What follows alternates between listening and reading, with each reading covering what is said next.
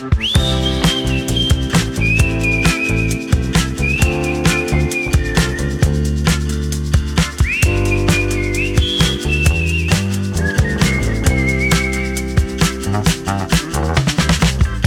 dia, Sílvia. Bon dia. Com estem? Bé, avui que és festa, bé. Sí, avui és 1 de maig, Dia dels Treballadors. I, bé, I aquí estem. Aquí, aquí estem fent festa, eh? Bé, a veure, avui, dia que surt publicat l'episodi, no, és el dia en què gravem l'episodi, no? Clar. Tot sigui aclarit. Però sí, sí. Abans d'entrar en el tema del dia d'avui, volia comentar eh, el feedback que hem rebut de l'episodi dels casaments. Ah, Perquè, Sílvia, no sé si ho saps, però aquest ha sigut un dels episodis més aplaudits ah i sí? més... Sí, sí, sí. Eh, que més... Vaja, que més ha fet riure, també. I, vaja, que jo crec que potser molts oients s'han quedat amb una... O sigui, com amb una por de ser convidats a un casament aquí, no? En terres catalanes. També, bueno, jo els feedbacks que he rebut, que són per les xarxes socials, molta gent m'explicava com funcionen al seu allà on viuen, no? en el seu país, que, Mhm. que hi ha algunes coses que funcionen diferent, que, per exemple, molts em comentaven que en realitat allà els convidats no paguen res, no? I que, que et Clar. donessin diners seria com una vergonya, gairebé. També hi Mm. havia gent que em deia s'ha de fer una segona part. De fet, un dels comentaris que vam rebre és de la Pamela, que ens el va enviar per Instagram, no? des de Mèxic, i Mm. que ens deia això. Hola amics d'IC Català, em dic Pamela de Mèxic i he escoltat el seu podcast sobre les bodes catalanes i de debò són molt diferents de les bodes a Mèxic. Aquí mai demanes diners als convidats, eh, no hi ha preu per anar-hi i eh, els regals gairebé sempre són electrodomèstics o, o coses així. Ah, veus? Molt. Durant la festa sí que els novis poden anar a, a les taules i demanar per si algú vol eh, donar diners com regal, però no és obligatori i, i són des de 5 euros fins a 25 i ja està. No és, molt, no és gens diners. Mm. I m'agradaria saber dues coses més de, de les bodes catalanes. La primera, la duració, perquè les bodes mexicanes eh, poden durar eh, des de 8 hores fins 12 hores. Fins i tot hi ha llocs on duran eh, més d'un dia, més d'un dia complet. I també el menjar, perquè aquí eh, tenim el sopar, tenim el postre, que sol ser el, el pastel, el patisset, i després, eh, hores després, abans de l'amanecer, tenim algo que es diu tornaboda, on donen més menjar, eh, generalment picant, per la gent que, Uf. que és molt beguda. I ja està. Pot ser chilaquiles, que és tortilla frita amb picant. M'encanta, no hi podia faltar l'element picant en els casaments mexicans, eh? Jo crec que no podem contestar les preguntes ara perquè seria com tornar a fer un, una segona Sí, part. Llavors, Seria la segona part. ho deixem per un altre dia. Però és tot un tema, eh? Tot un tema. Sí.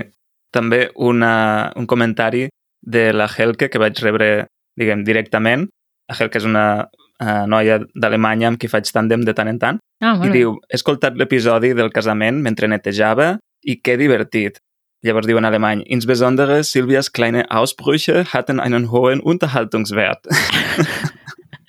o sigui, com especialment les, les sortides, no? O, els, o les... Com dir-ho, com traduir-ho? Ausbrüche. Com aquests petits rampells de la Sílvia tenien un valor, un alt valor conversacional, no? el Rainer, a través de Telegram, ens diu que fort això de demanar diners als convidats, fas això a Cuba i crec que ningú va al teu casament. Hauria de passar el mateix aquí, però no passa.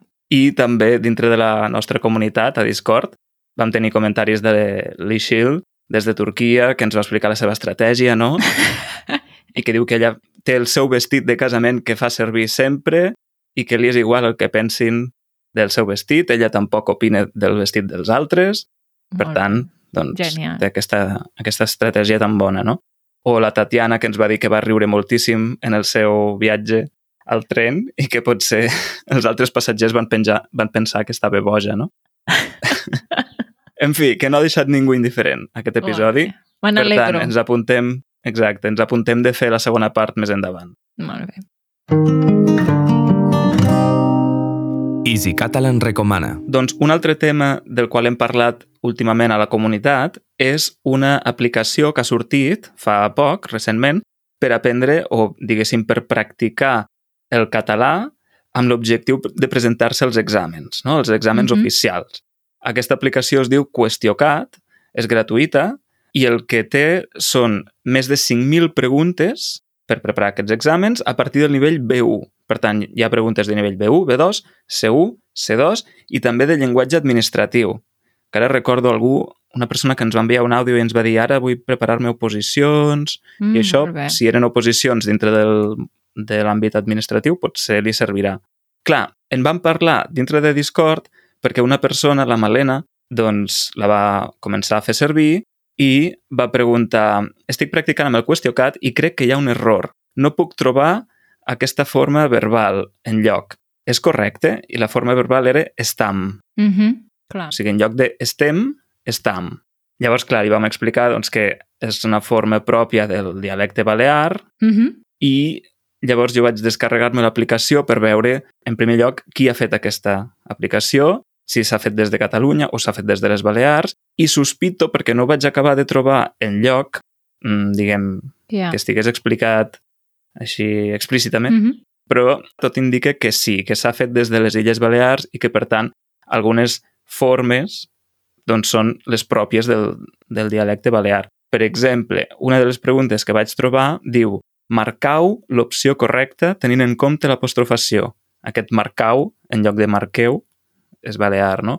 O també, fins i tot en els exemples, diu a la universitat, la qual està situada a Palma, hi ha més de 4.000 estudiants. Sí, però si us esteu preparant per un, un certificat de català, tot i que sigui una varietat dialectal que no és la que vosaltres voleu aprendre, serveix igual. Està molt bé i, per tant, us recomanem que us la descarregueu en els vostres telèfons mòbils i la utilitzeu, perquè d'aquesta manera us esteu preparant l'examen i teniu diferents opcions per veure i provar el vostre català. Exacte.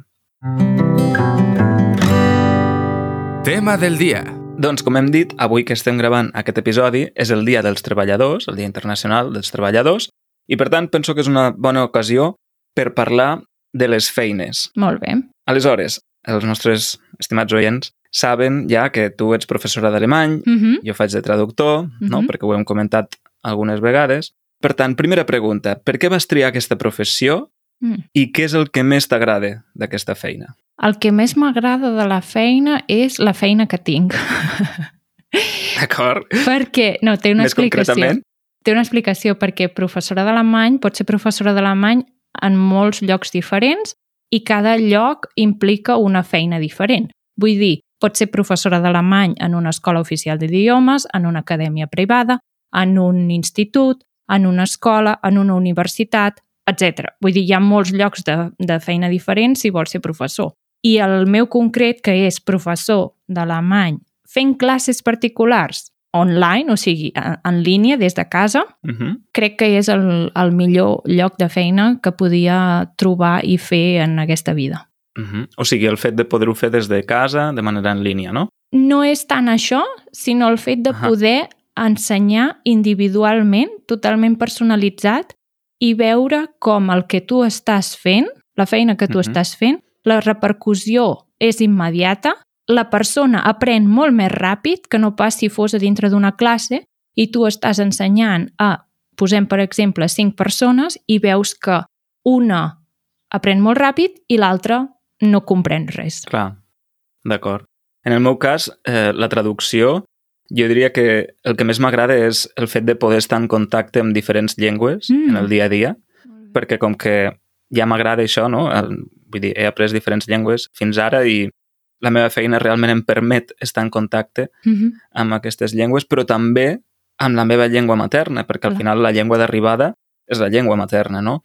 I la feina que tinc actualment com a traductor em permet, sobretot, treballar amb el català, amb el castellà també, però sobretot amb el català, i això és el que m'agrada molt, no? Que al final, per a traduir, necessites un coneixement important de les llengües estrangeres, però sobretot de la teva llengua d'arribada, no? la, la materna, Sí. per poder plasmar tots els matisos, no? És molt curiós perquè segurament no és el mateix, eh? però jo, durant els anys que he estat fent de professora d'alemany, he anat aprenent moltes coses del català, de la llengua materna. Segur que no és en el mateix Mhm. nivell, perquè tu és constantment, però de vegades et planteges com el paral·lelisme, no? I com és aquesta estructura o aquesta forma de fer en català? Mhm. ah, fixa't, en català sempre fem servir no sé què, en canvi en alemany es fa no sé com. I d'aquesta manera, o sigui, estudiant una llengua que no és la teva materna, t'adones de moltes coses que desconeixies sobre la teva mateixa, no? Mm. I, I sí que és veritat Clar. que és, que és tot un procés i és, és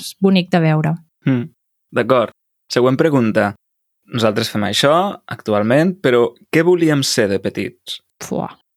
Però de petits, petits. Sí, tu quan eres petita, que, quina era la teva idea de feina De tot. ideal? O sigui, què volies ser quan, quan fossis gran? no, no, no havia tingut mai com una idea molt clara. Que, saps aquelles persones que tenen com un ideal i tota l'estona és el mateix? No.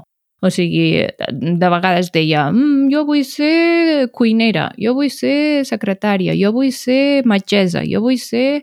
I anava canviant. Vull dir, no, no vaig tenir mai un, un objectiu concret. I és més, quan ets en l'institut, quan estàs acabant l'ESO i comences el batxillerat i has de decidir quin batxillerat vols Uh -huh. per encaminar-te una mica més cap on vols anar, no? Sí. I tot això, no tenia gens clar què volia fer. Uh -huh.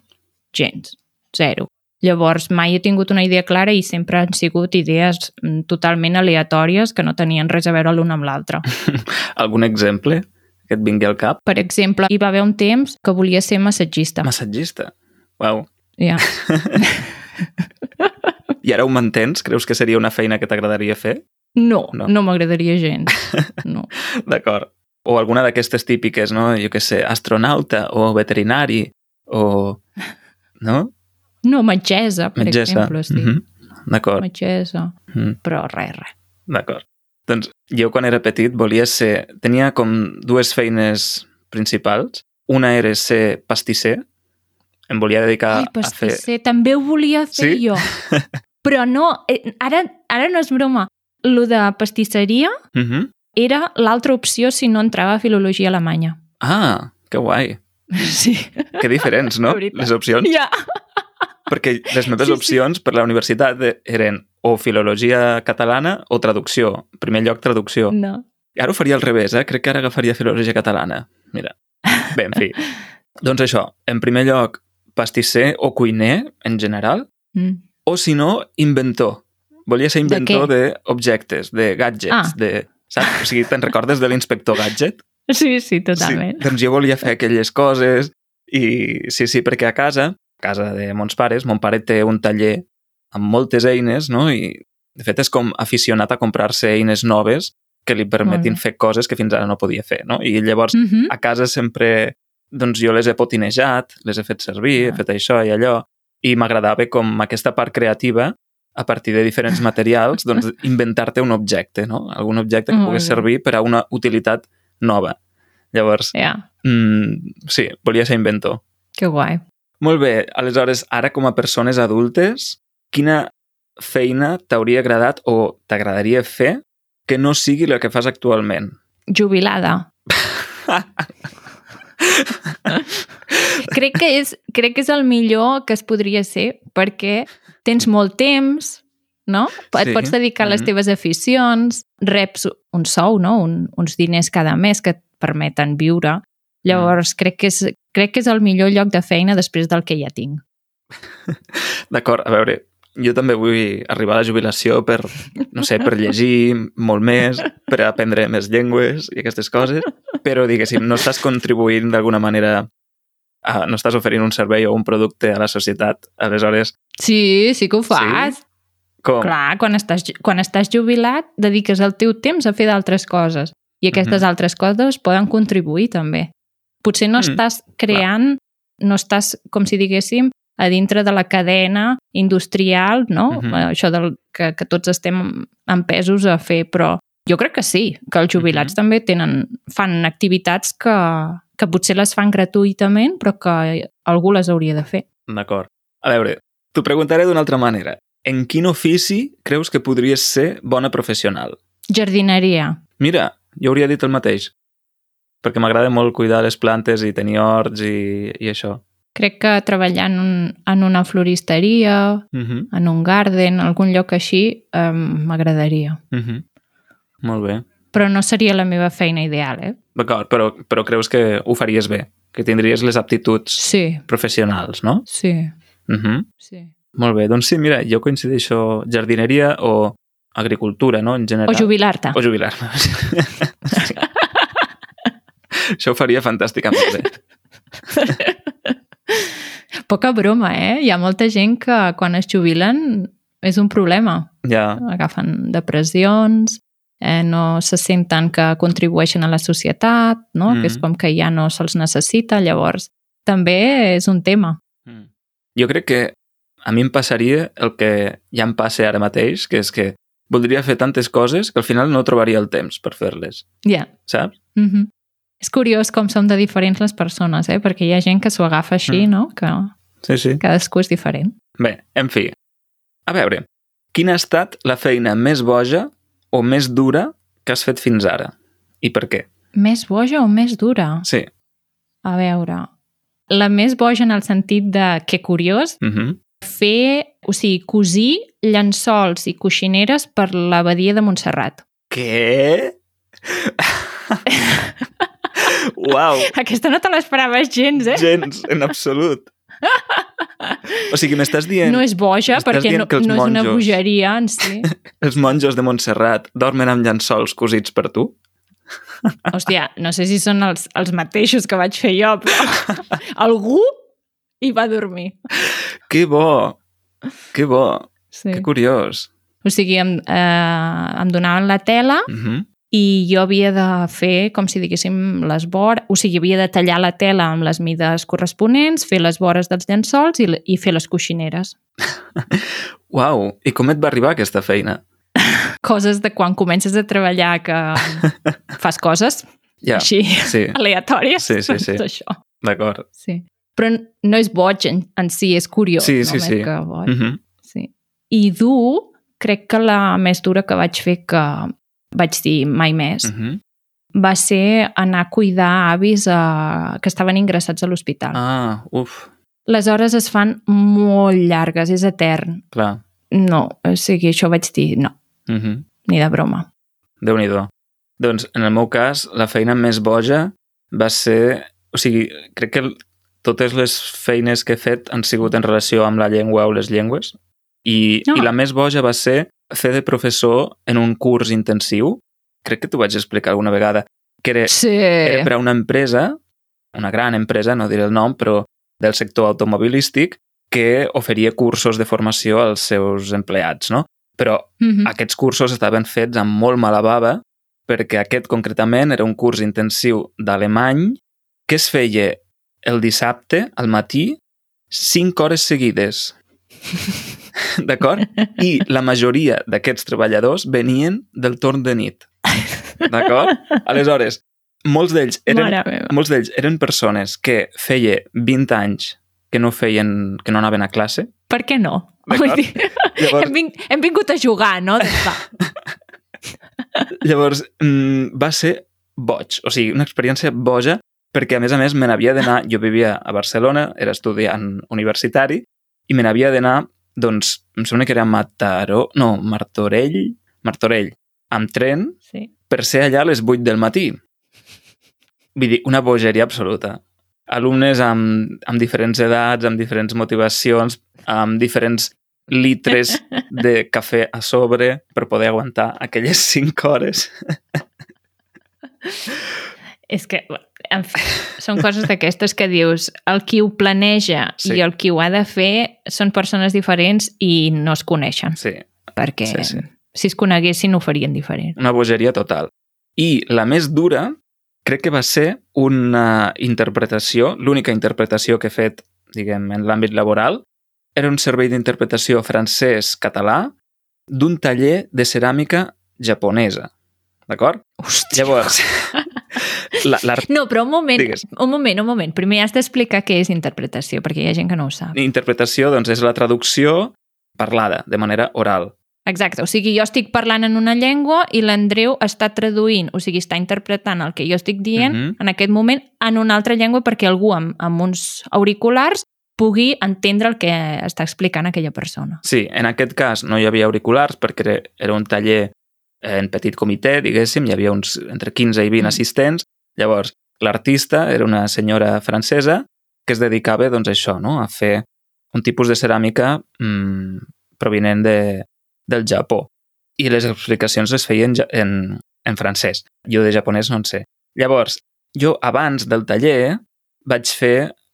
Eh, vaig contactar amb aquest artista i li vaig dir, em vaig presentar no, per correu electrònic i li vaig dir, em podries donar com les paraules claus que faràs servir, no, els termes que faràs servir més habitualment mm. perquè jo me'ls pugui preparar? Ah, però tu, Andreu, no, no coneixes tots els termes relacionats amb la ceràmica en el francès. No, és curiós, aleshores això, no? no tenia el plaer. Eh, total, que, però ja preveia que hi podria haver una dificultat mm, terminològica, no? Aleshores jo li vaig Ja, escriure, ja. li vaig demanar i la senyora, amabilíssima, em va enviar la llista de paraules específiques, no?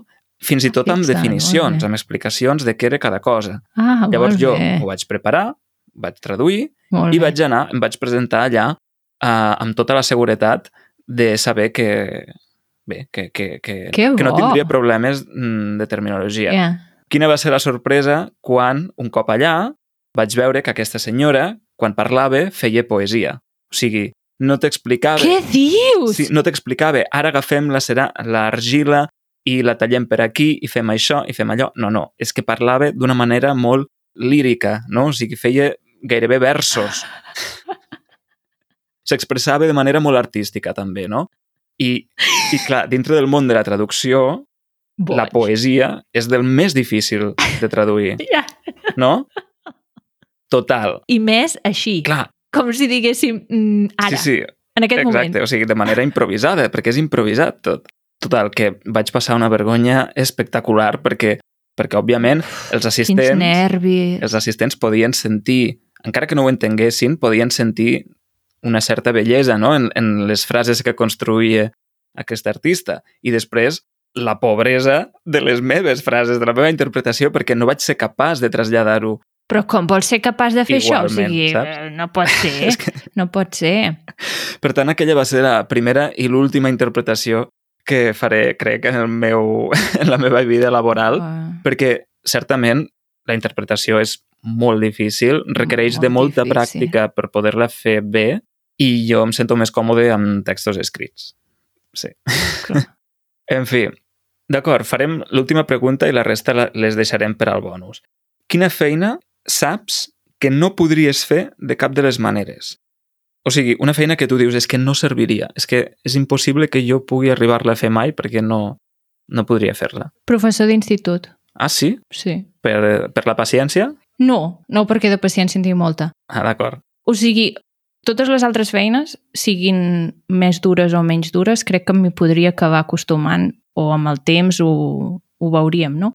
Però mm, professor d'institut és una feina que mm, abans me'n vaig a fer qualsevol altra cosa abans que ser professor d'institut, Mhm. de veritat, eh? Mm, o sigui, penso que els professors d'institut se'ls hauria de fer una escultura, un pedestal, Mm -hmm. i pagar-los molt més del que estan guanyant, perquè Totalment. aguantar els adolescents tantes hores tancats a dintre una habitació que no es poden moure de la cadira, que tenen les hormones revolucionades, que allò és un bullying constant.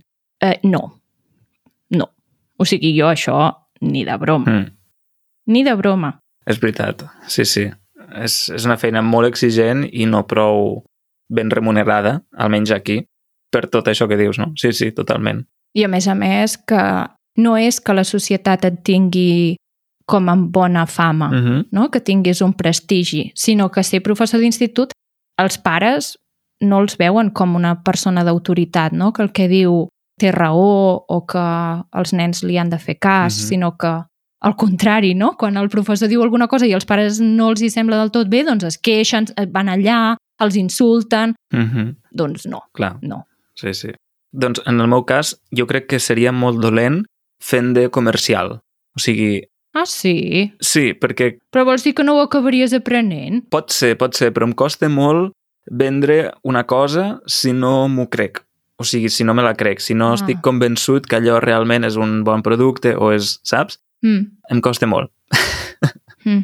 I crec que no ho faria bé. Cada vegada n'hi ha menys, jo crec, de comercials, no? Perquè abans hi havia, per exemple, els Sí? les enciclopèdies, no? Aquests que passaven casa per Mm. casa i tot això. I, I ara són més aviat per telèfon. Sí, això, són per telèfon. Home, jo crec que és una feina que sempre hi serà, però que anirà canviant Sí. doncs, de format, no? Mm. De fet, aquesta és una de les preguntes que et faré ara en el bonus, com creiem que les nostres feines canviaran en el futur, però l'episodi el deixem aquí, acabarem aquí.